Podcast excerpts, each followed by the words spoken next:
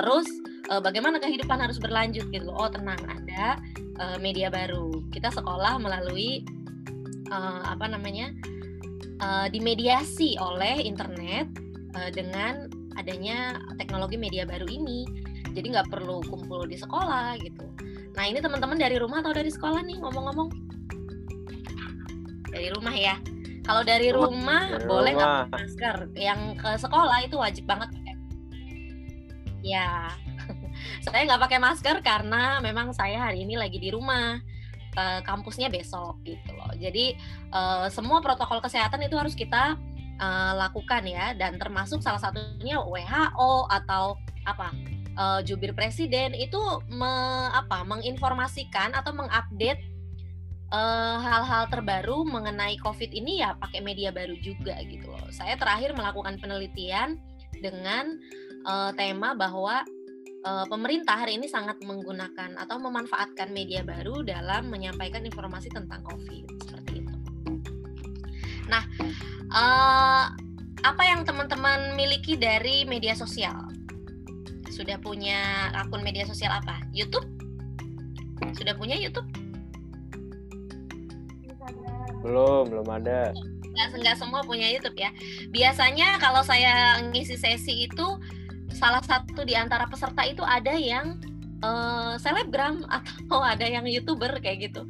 Atau ada yang gamer gitu dan dia tuh sudah banyak sekali punya subscriber. Bahkan dia bisa monetizing gitu loh bisa uh, make money dari situ. Bisa punya penghasilan. Nggak nggak apa namanya tidak dibiayai oleh orang tua lagi. Tapi sudah bisa uh, membiayai diri sendiri bahkan punya usaha memberdayakan teman-temannya seperti itu. Nah buat teman-teman yang punya hobi uh, tertentu itu bisa menggunakan juga uh, apa namanya media baru ya sebagai ajang untuk menyalurkan hobi, kemudian juga untuk bisa produktif, menghasilkan karya gitu. Yang suka musik mungkin punya akun apa SoundCloud kayak gitu yang punya yang suka uh, review makeup. Remaja sekarang tuh yang cewek-cewek seneng make upan loh. Nah, itu bukan hal yang negatif ya menurut saya it's okay. Uh, kalau itu bisa menyalurkan hobi terus ke depannya bisa menjadi pengusaha gitu, menjadi makeup artist tanpa harus uh, me, apa ya lagi merepotkan atau nyusahin negara gitu nantinya. Jadi bisa lebih ini. Nah, kita lihat dulu nih terkait data pengguna internet di Indonesia. Jadi uh, penduduk Indonesia tuh 270-an juta orang lebih ya. Dan 175,4 juta jiwanya itu sudah pakai internet gitu loh. Termasuk tentunya yang paling banyak diakses adalah media sosial. Jadi orang Indonesia pakai internet itu paling banyak digunakan untuk uh, media sosial. Nanti kita lihat ya. Jadi bahwa sudah 64% populasi orang Indonesia yang sudah menggunakan internet. Menggunakan internetnya baik mobile maupun uh, fix. Kalau fix itu pakai komputer di kantor atau di rumah, di sekolah gitu ya. Tapi kalau yang mobile uh, kita pakai smartphone sambil jalan, menunggu, mengantri dan lain-lain pakai tablet. Oke, sejarah singkatnya dulu nih. Jadi media sosial itu tentu saja nggak tiba-tiba datang. Tadi seperti saya sampaikan di awal, kita baru masuk era media baru tuh di tahun 90-an kalau di Indonesia. Jadi uh, sejarah singkatnya dulu saya sampaikan di awal itu tahun 1971 uh, itu sudah mulai ada yang namanya email atau surat S1 pakai modem juga sempat pakai modem juga. Uh, terus akhirnya ya sekarang udah nggak modem lagi tapi pakai wifi seperti itu. Udah nggak pakai uh, apa namanya tidak pakai koneksi yang dibawa-bawa begitu sudah langsung gitu ya. Dan sekarang kita smartphone kita juga sudah bisa pakai paket data jadi nggak perlu bawa device lain nggak. Jadi modem itu kan harus dipasang atau harus dibawa-bawa gitu ya di di konekin gitu. Kalau sekarang udah enggak gitu. nah uh, dan ini tidak dipakai secara umum. Di tahun 71 tuh hanya peneliti dari APRA. APRA itu Advanced Research Project Agency yang memang mendevelop internet waktu itu. Jadi di tahun 71 sudah mulai ada email di dunia ini. Lalu di tahun 95 ada situs Geosites namanya, Geocities maksud saya. Ini uh, penyewaan penyimpanan data website agar bisa diakses dari mana saja. Kalau cloud computing awan gitu ya. Kita kan sekarang menyimpannya itu menyimpan data tuh di awan Nah dulu tuh udah ada uh, penyewaannya. itu mahal sekali dan penggunaannya masih sangat terbatas di tahun 95. Terus di tahun 95 juga lahir yang namanya situs classmates.com. Itu teman-teman uh, sekelas, teman-teman kampus, uh, kemudian yang nantinya akan diikuti oleh uh, Mark Zuckerberg dalam mendevelop uh, Facebook gitu. Lalu di tahun 97 ada sixdegree.com Com.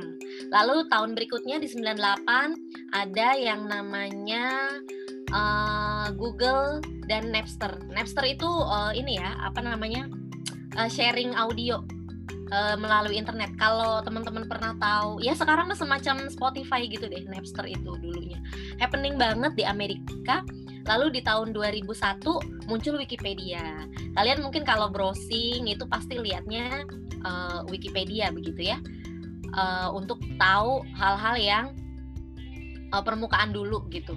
Jadi ke depannya akan lebih dalam lagi dicari harusnya sih memang idealnya tidak pakai Wikipedia karena kenapa uh, saya tuh jarang sekali menyarankan Wiki siswa atau kepada teman-teman siswa itu karena Wikipedia itu bisa kita edit gitu loh siapa pun bisa me, apa bisa menulis di situ bisa menyunting gitu jadi uh, kepakarannya itu di mana gitu. Makanya jangan sampai kita merujuk Wikipedia untuk karya ilmiah gitu loh.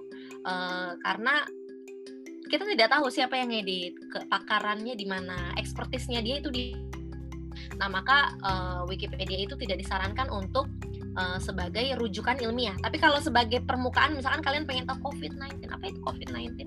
Ideal websitenya WHO. Tapi banyak juga orang yang saat googling itu muncul di ranking pertama itu uh, Wikipedia. Boleh aja sih sebagai pengetahuan permukaan ya.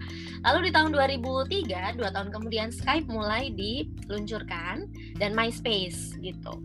Lalu di 2004-nya ada uh, Facebook. MySpace ini juga uh, Mark Zuckerberg ya awalnya. Jadi sebelum uh, lahir dengan nama Facebook itu MySpace dulu. Uh, awalnya Facebook itu tidak di apa ya tidak digunakan oleh orang di seluruh dunia seperti hari ini.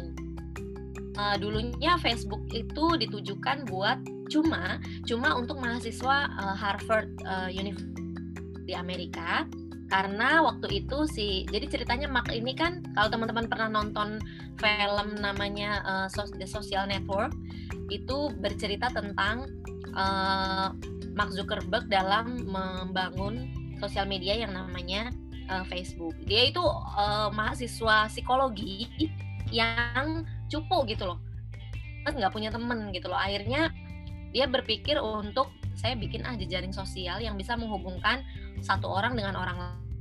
Harvard University itu kan besar, maka nggak saling kenal gitu loh antar mahasiswanya. Terus si uh, siapa Mark ini menginisiasi satu platform yang bisa menghubungkan antara satu mahasiswa dengan mahasiswa lain. Kan gedungnya beda-beda, misalkan ini ilmu komunikasi, di sana ada psikologi.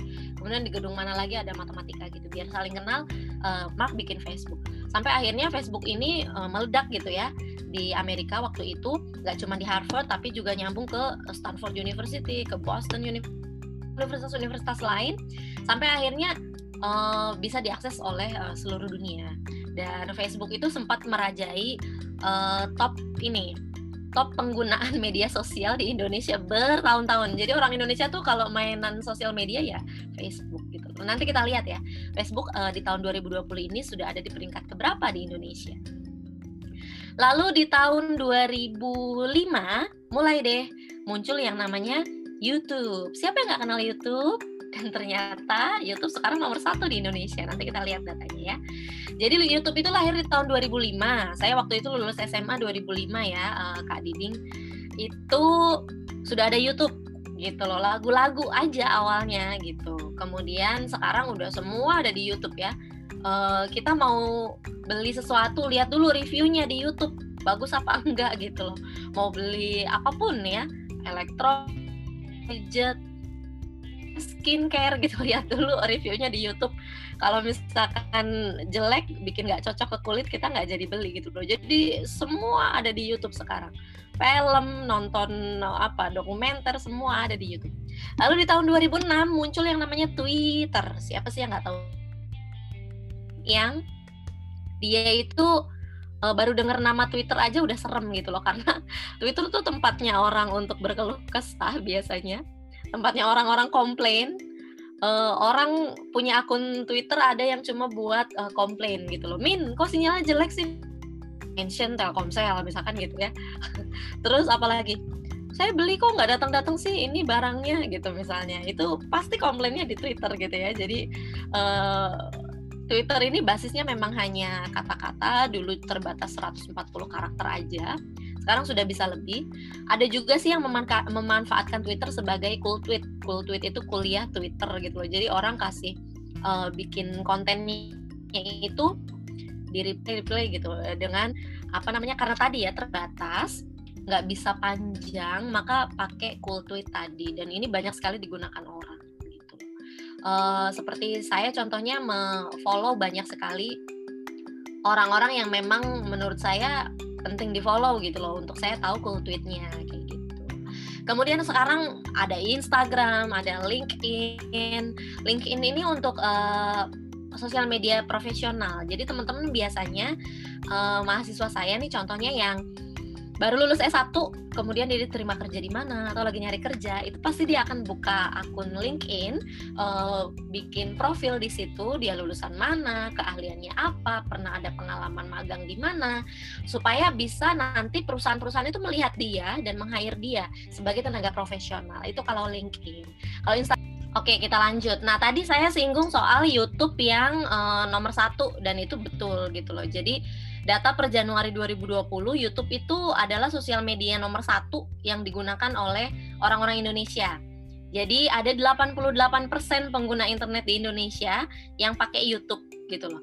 Uh, dan 88% ini nggak harus uh, ini ya, nggak harus konten kreator.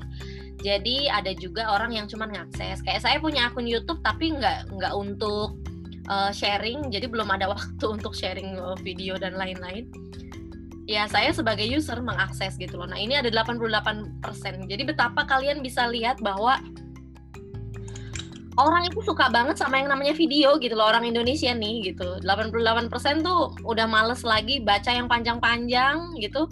Senengnya dengerin video aja gitu, ngeliatin orang gitu ya.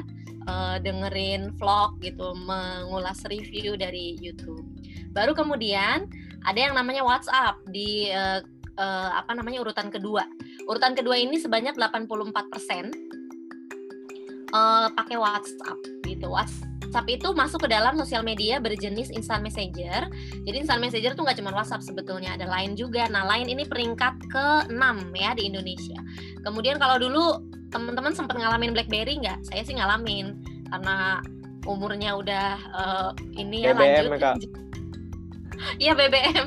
Jadi BBM itu dulu sempat harus pakai device-nya kan, BlackBerry gitu loh. Sampai akhirnya uh, device-nya itu udah nggak dipakai orang lagi, tapi aplikasinya masih dipakai sama orang gitu loh. Uh, dan sekarang udah enggak sih ya. Lihat nggak ada lagi BlackBerry di sini uh, yang digunakan per 2020 ini orang Indonesia udah nggak pakai BlackBerry lagi. Kemudian yang ketiga Facebook. Facebook itu sebetulnya lima tahun berturut-turut tuh nomor satu loh di Indonesia. Orang tua itu masih eh, masih suka pakai Facebook. Mungkin kalian merasa masa sih, masa sih? Iyalah, karena kalian anak muda uh, mainnya mungkin Instagram. Tapi kalau orang-orang tua itu pakainya Facebook gitu. Terus ada Twitter.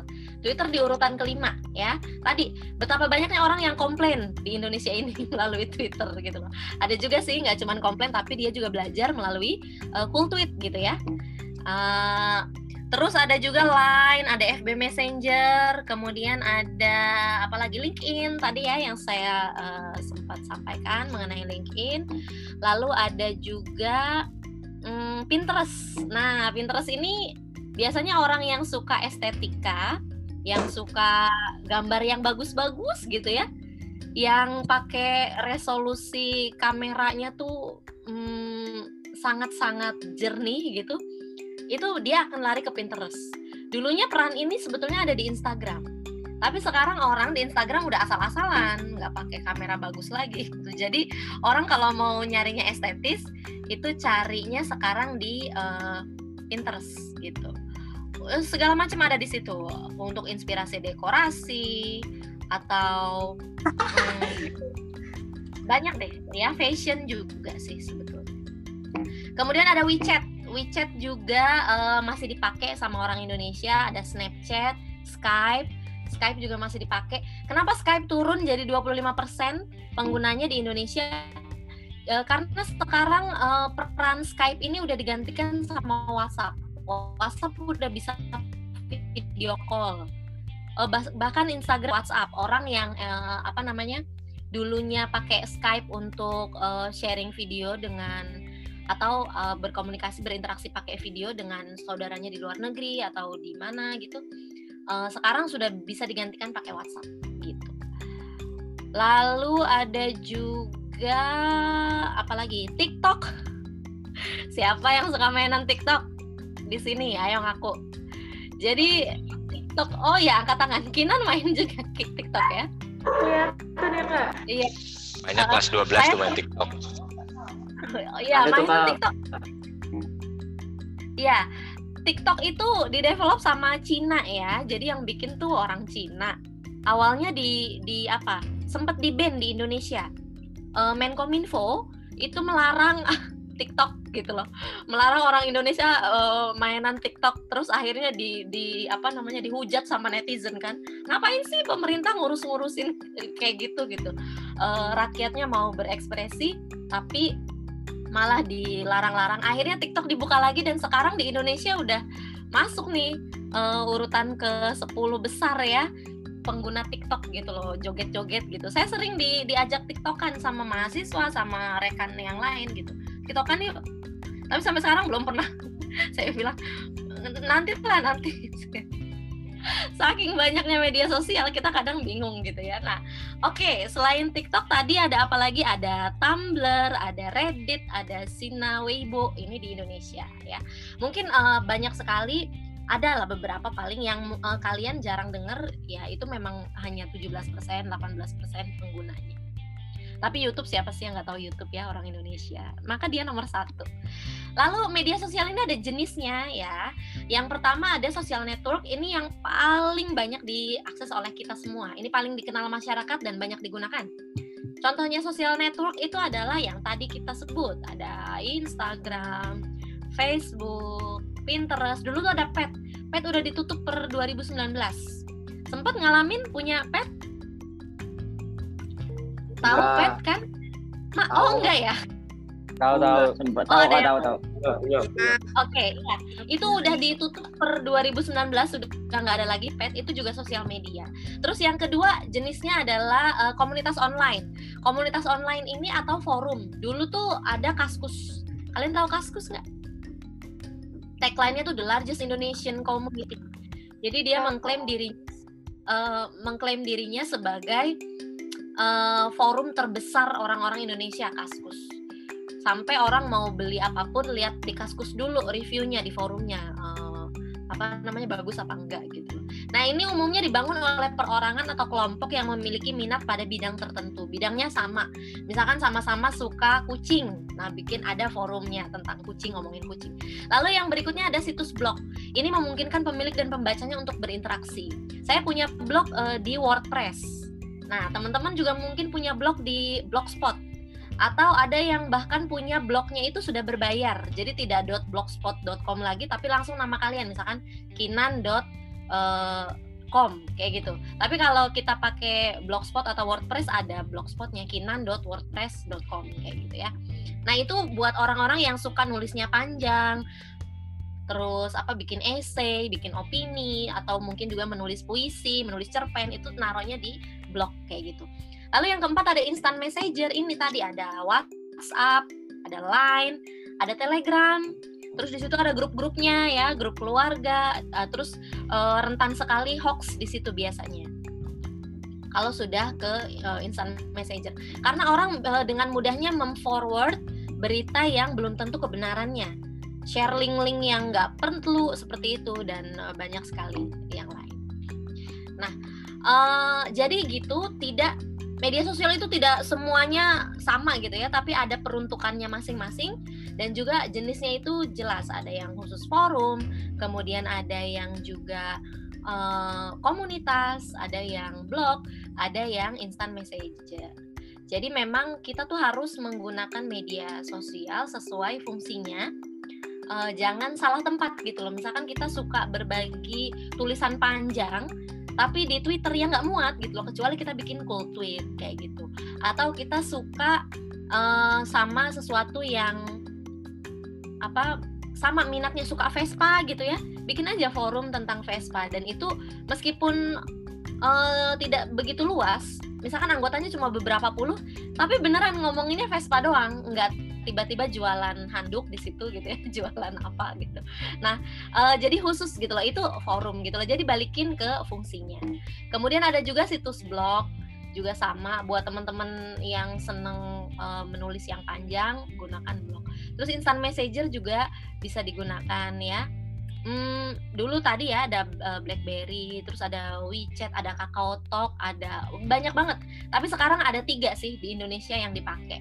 Dan itu marak banget sampai sekarang WhatsApp, Line dan uh, Telegram, begitu. Oke, berikutnya adalah tentang ini uh, fungsi media sosial. Tadi yang saya bilang kita harus mengembalikan media sesuai uh, media sosial itu sesuai fungsinya. Jadi yang pertama fungsinya itu untuk memperluas interaksi sosial manusia dengan memanfaatkan teknologi internet dan website. Jadi jangan sampai media sosial itu justru menjauhkan kita gitu loh.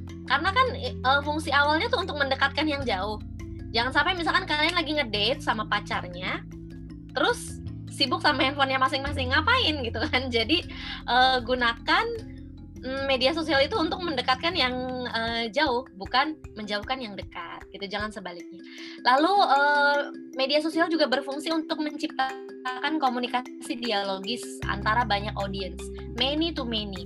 Jadi kalau media konvensional dulu itu one to many. One-nya itu apa? Satu uh, program televisi, many-nya siapa? Penontonnya banyak yang akses. Tapi sekarang kalau media baru itu dialogis, langsung many to many kita bisa langsung komentar di akunnya siapa akun Instagramnya Justin Bieber misalnya gitu jadi nggak ada jarak lagi antara fans dengan artis idolanya gitu jadi ada komunikasi dialogis di situ Lalu berikutnya ada e, melakukan transformasi manusia yang dulunya pemakai isi pesan berubah menjadi pesan itu sendiri. Nah, saya mau sampaikan tentang konsep prosumer di sini.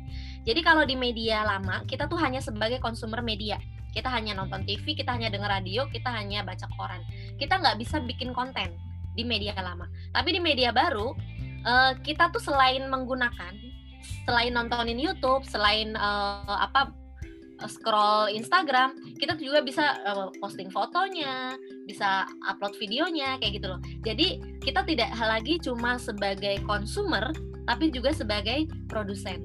Jadi istilahnya itu adalah prosumer, produsen sekaligus konsumer di era media baru gitu loh. Jadi udah nggak bisa dipisah-pisah lagi. Kalau dulu kan produsennya ya hanya jurnalis, hanya artis, hanya aktor, hanya sineas gitulah. Kalau sekarang kita semua bisa menjadi konten uh, kreator. Nah makanya kita nggak cuma sebagai konsumer, tapi juga kita sebagai uh, produsen. Maka istilahnya kita sekarang adalah sebagai prosumer, produsen dan konsumer.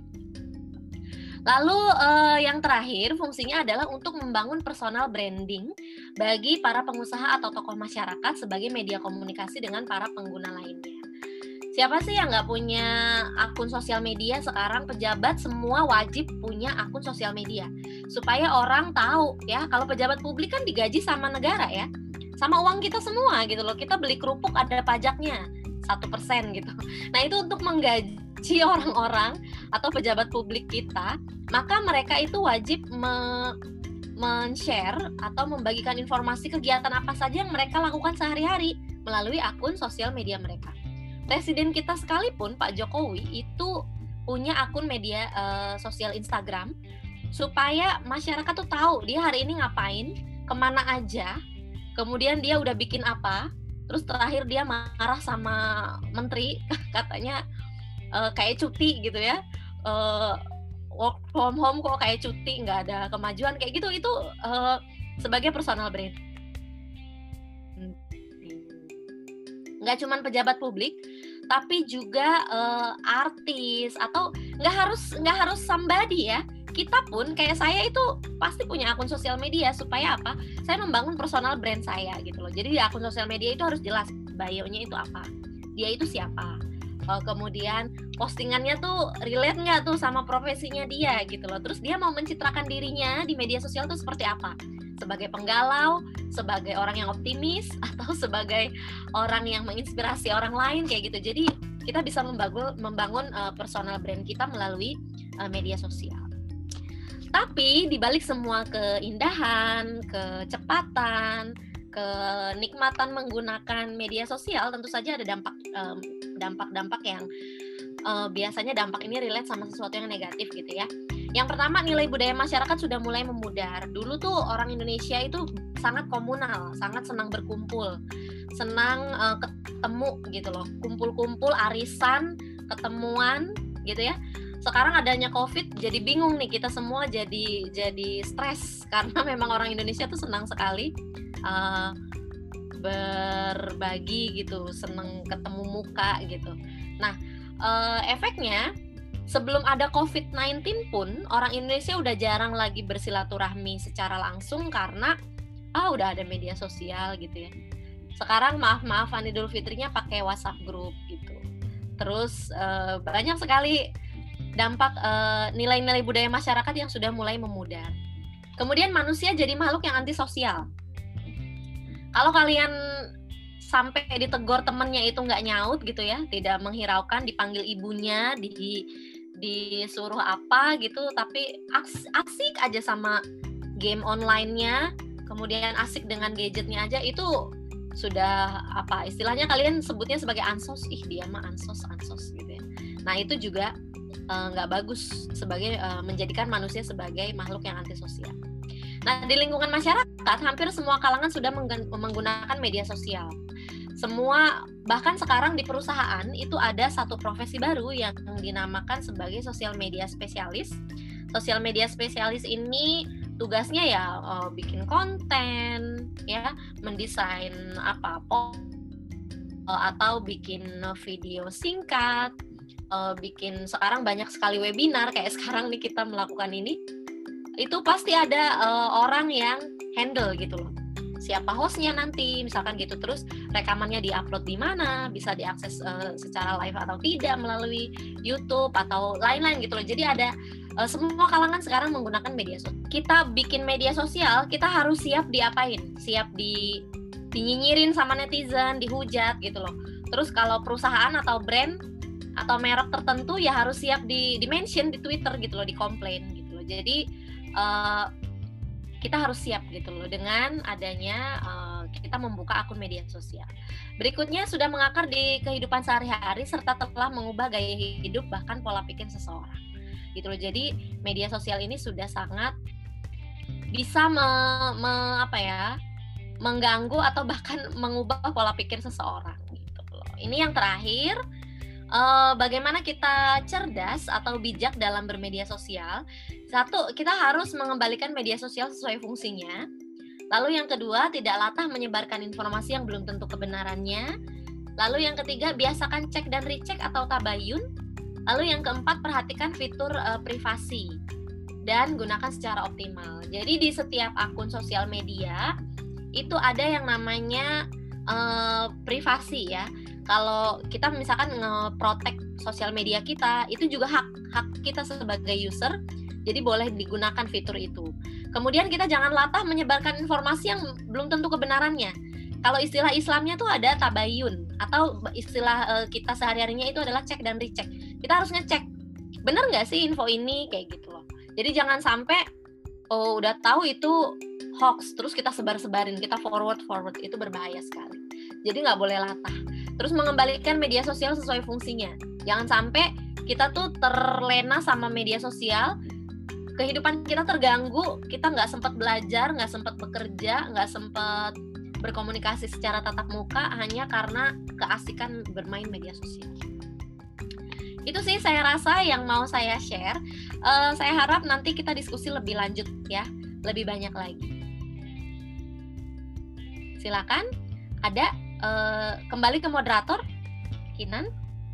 Iya baik, uh, sebelumnya terima kasih banyak ya Kanani atas penyampaiannya sangat bisa dimengerti dan itu juga bisa nambah ilmu pengetahuan umum kita juga. Nah, sekarang mungkin kita buka sesi tanya jawab aja kali ya. Uh, ini uh, aku kumpulin dulu tiga pertanyaan, nanti Iya. bisa Boleh. dijawab ya. Uh, ada yang mau bertanya, boleh langsung sebutkan nama aja sama kalau kalian kelas 10 dari asal sekolahnya juga. Pertanyaan saya tuh bisa nggak sih kak di era generasi kami tuh eh, tidak tergantung terhadap internet?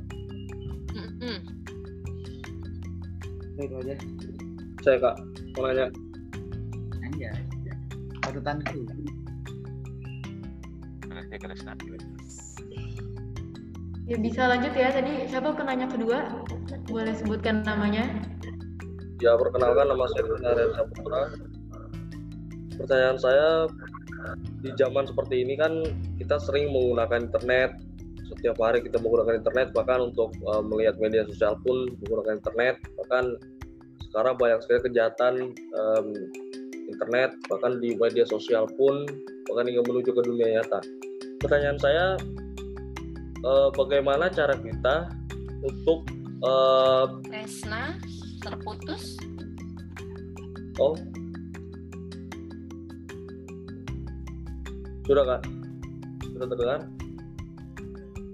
Sudah, sudah, sudah. Pertanyaan saya, eh, bagaimana cara kita mengendalikan diri kita agar tidak terjerumus ke dalam hal-hal yang buruk dari eh, sesuatu yang bisa menggoda kita untuk ke dalam sesuatu yang buruk, Pak. Oke, terima kasih Kresna pertanyaannya. Ada slot satu lagi nih, ada yang mau nanya lagi nggak? Kak, mau nanya dong kak, cara kayak kita kan misalnya kayak kecanduan gitu bersosial media, cara berhentinya itu gimana kak? Biar nge-stop gitu, biar nggak kecanduan lagi. Kak ya. Oke, sudah terkumpul ya tiga pertanyaan. Boleh dijawab Kak Nah, Nani. Dari yang pertama dulu tadi dari Isan. Silakan Kak. Kalau bisa saya eh, tentukan, pertanyaannya sebetulnya cuma dua, yaitu gim- kita bisa nggak sih hidup tanpa internet gitu ya? Eh, itu dari Ihsan. Nah pertanyaan Kresna sama Raka itu hampir sama gitu loh. Bagaimana cara mengendalikan diri supaya tidak terjerumus pada eh, apa namanya kecanduan gitu ya, pada kecanduan eh, media sosial. Gini, saya mau cerita dulu terkait yang Ihsan tadi.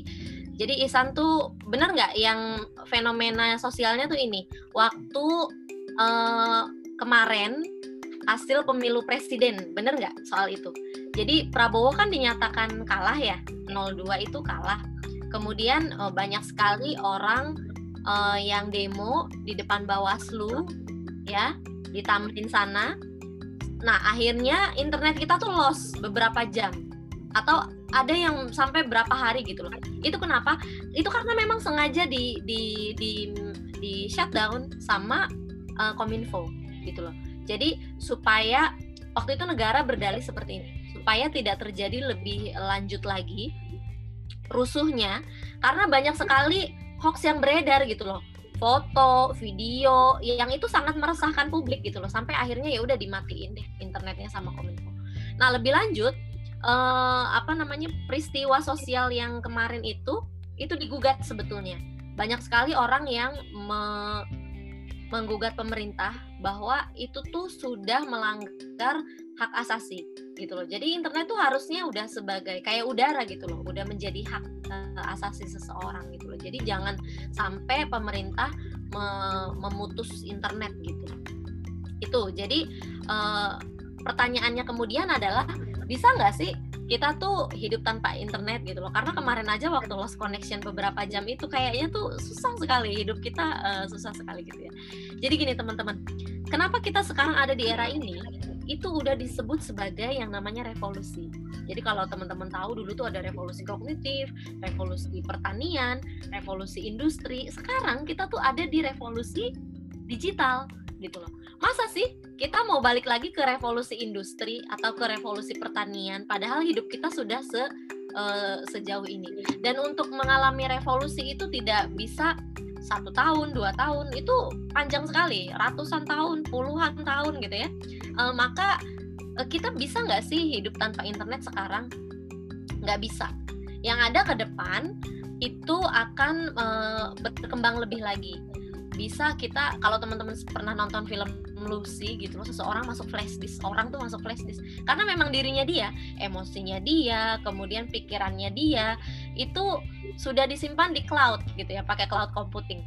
Jadi meskipun raganya sudah habis tapi uh, semua ide apa semua itu uh, oke okay, tadi jawaban untuk Ihsan sudah ya.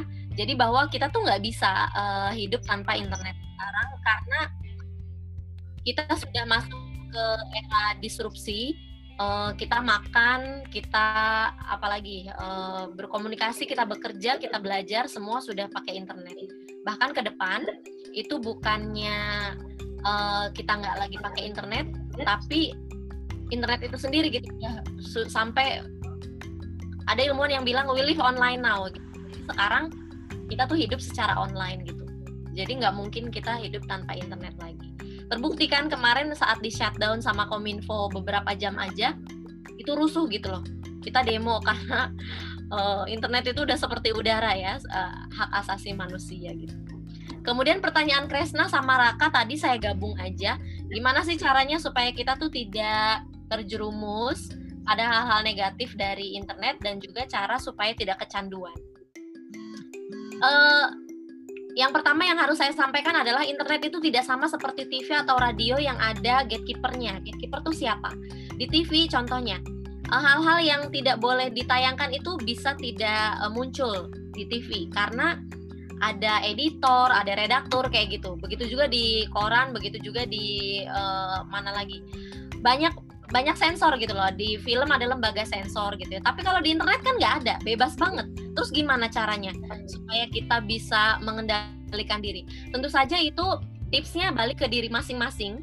Kita sebagai pribadi harus uh, cerdas harus bijak dalam menggunakan media sosial gitu loh. Karena memang internet itu pengguna internet tuh harus masyarakat yang sudah dewasa. Uh, maksudnya dewasa bukan secara usia saja gitu ya tapi secara berpikir. Kita harus memilah harus pintar memilih konten mana yang mau kita uh, pakai, yang mau kita akses sehari-hari. Kemudian kita juga harus membatasi jam. Contoh, saya nggak mau mengakses media sosial selalu gitu ya, tidak gitu loh. Saya hanya mau mengakses media sosial sehari tiga jam saja. Pagi satu jam, siang satu jam, malam satu jam. Jadi sisanya saya bekerja belajar, saya melakukan hal-hal lain, saya melakukan kehidupan saya yang lain gitu loh. Jadi kita batasi diri kita supaya kita nggak terjerumus atau kecanduan sama media sosial. Kalau saya sih karena nggak suka game ya, jadi nggak terlalu ini. Nah teman-teman yang seneng banget main game itu biasanya berlarut-larut tuh, nggak mau makan, nggak mau mandi, nggak mau belajar, ngerjain PR, nggak mau sekolah, maunya mainan game terus itu udah sangat-sangat berbahaya sekali itu. Jadi memang filternya tuh harus di diri kita sendiri. Gitu. Atau kalau teman-teman itu caranya supaya di media sosial bisa mengendalikan diri, silakan berteman dengan orang tuanya, dengan tantenya, dengan keluarganya. Jadi kita kalau mau aneh-aneh di media sosial tuh inget, oh ada guru di situ, kemudian ada orang tua, ada keluarga gitu loh. Jadi bisa mengendalikan diri. Itu salah satu tipsnya sih. Jadi batasi ya dari diri sendiri sehari mau ngakses berapa uh, berapa jam media sosial, mau main gamenya berapa lama. Jangan seharian nggak boleh karena kita perlu melakukan kehidupan kita yang lain. Gitu. Semoga menjawab Kresna dan Raka. Ada lagi yang lain? Terima kasih ya jawabannya Kak Nani. Ini uh, sudah sesi pertanyaan terakhir. Ada lagi nggak yang masih mau nanya? Sebelum kita tutup acara kali. Eh itu ada yang angkat tangan tuh, Satrio. Bapak mau bertanya? Kita kalau mau mengakses website Reddit itu kenapa harus pakai VPN ya? Emang itu sebenarnya ada masalah apa ya di situ ya, Bapak? Maksudnya itu website kan sebenarnya kan apa aman-aman saja. Terus kenapa harus diblokir? Kenapa kita harus pakai VPN untuk mengaksesnya? Ya itu bisa aja pertanyaannya. Terima kasih Satrio pertanyaannya. Bisa dijawab Kak Nani? Bisa ulang Kinan pertanyaannya Satrio apa ya? Mohon maaf. Uh, jadi Reddit memang di ban sama Kominfo. Memang itu dilarang, nggak boleh. Uh -uh. Nah makanya Kalau VPN itu kan eh, aksesnya itu nggak melalui kita, jadi langsung gitu ya. Eh, maka ya dulu waktu yang tadi pertanyaannya Ihsan tadi relate ke situ, yang dua jam kita di shutdown internetnya, orang-orang yang pakai pakai VPN itu bisa tetap bisa ngakses internet. Nah Reddit itu nggak boleh di, memang di Indonesia nggak boleh. Itu yang eh, melarang Kominfo. Jadi menterinya sekarang Pak Joni ya, Pak Joni tuh eh, melalui Kominfo melarang penggunaan atau pengaksesan Reddit karena memang eh, dinilai berbahaya lah gitu buat eh, orang. Kecuali eh, buat teman-teman yang pakai VPN itu bisa mengakses Reddit, tapi masalahnya konsekuensinya adalah ini orang yang pakai VPN biasanya data dirinya itu eh, akan terekspos gitu loh, maka nggak aman. Kemarin ada kasus eh, selebgram yang eh, akun akun banknya dia uangnya itu eh, hilang banyak sekali ratusan juta rupiah. Itu karena kemarin waktu internet di shutdown dia pakai VPN mengakses internet. Itu bahaya sih. Mendingan jangan pakai VPN sih menurut saya. Ya. Bahaya. Satrio eh, suka pakai VPN ya. Ayo. Untuk mengakses Reddit saja, enggak lah. Ya, Reddit saja. Eh, harus pokoknya gini ya teman-teman. Eh, mungkin ini juga sekaligus closing eh, closing statement dari saya. Jadi internet itu memang nggak bisa orang yang nggak terliterasi nggak bisa orang yang nggak cerdas yang makainya gitu loh jadi eh, orang itu harus cerdas harus bijak kemudian juga harus pintar memilah-milah mana informasi yang mau dia akses atau tidak gitu jadi nggak bisa orang yang nggak tahu apa-apa pakai internet tuh nggak bisa, karena dia nanti akan terjerumus pada cybercrime gitu. Dia akan dirugikan, dia akan eh, banyak sekali hal-hal negatif yang mungkin menerpa dirinya. Maka eh, pengguna internet ya harus cerdas gitu. Saya yakin teman-teman SMA Izada ini selain digital native, kalian juga cerdas, lebih pinter lagi, lebih jago lagi lah mainan eh, media sosial daripada saya yang digital immigrant. Tapi kita harus punya benteng diri. Karena dari internetnya sendiri nggak ada gatekeeper ya. Nggak ada yang mengendalikan nggak ada sensor gitu loh. Jadi harus dari kitanya sendiri. Gitu. Gitu Satrio. Iya, baik. oke. Gitu sih Kinan ada yang lain yang mau menanggapi juga boleh nggak harus bertanya sih. Termasuk eh, era media baru ini mengubah cita-cita anak-anak biasanya. Anak-anak SMA sekarang udah nggak mau jadi apa nggak mau jadi dokter nggak mau jadi guru nggak mau jadi apalagi nggak mau jadi pilot gitu. Maunya jadi youtuber maunya jadi selebgram katanya gitu.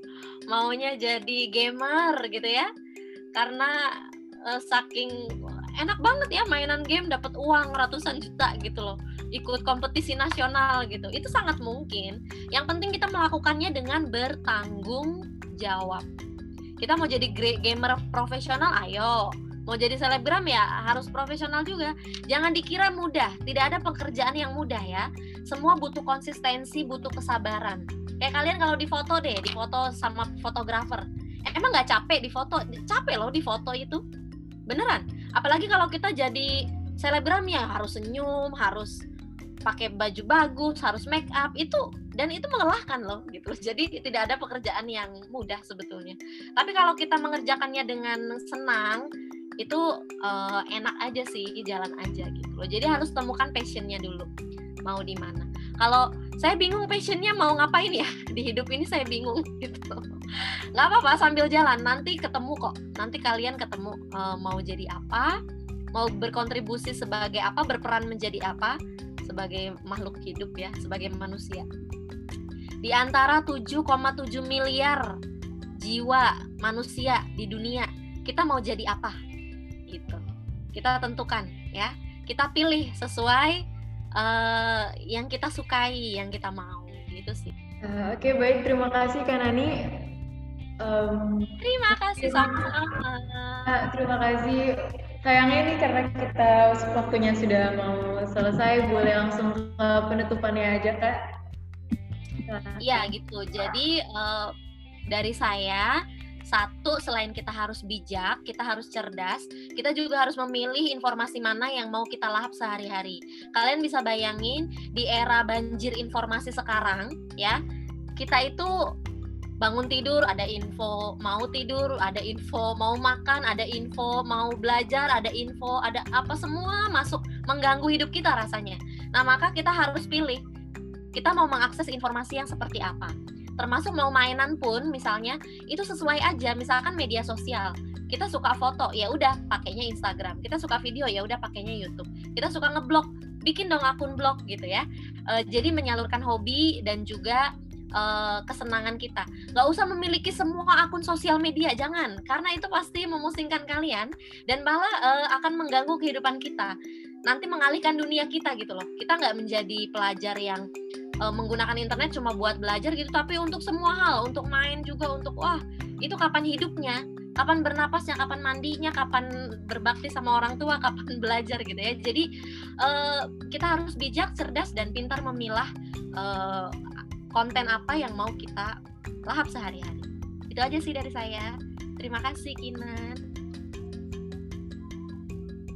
Ya, baik. Sebelum kita tutup seminar hari ini, sebelumnya saya ingin berterima kasih yang sebesar-besarnya, khususnya untuk Kanani Kuniasari yang sudah bersedia untuk menjadi pembicara pada salah satu rangkaian kegiatan Week of Joy SMA Izada 2020 ya. ini.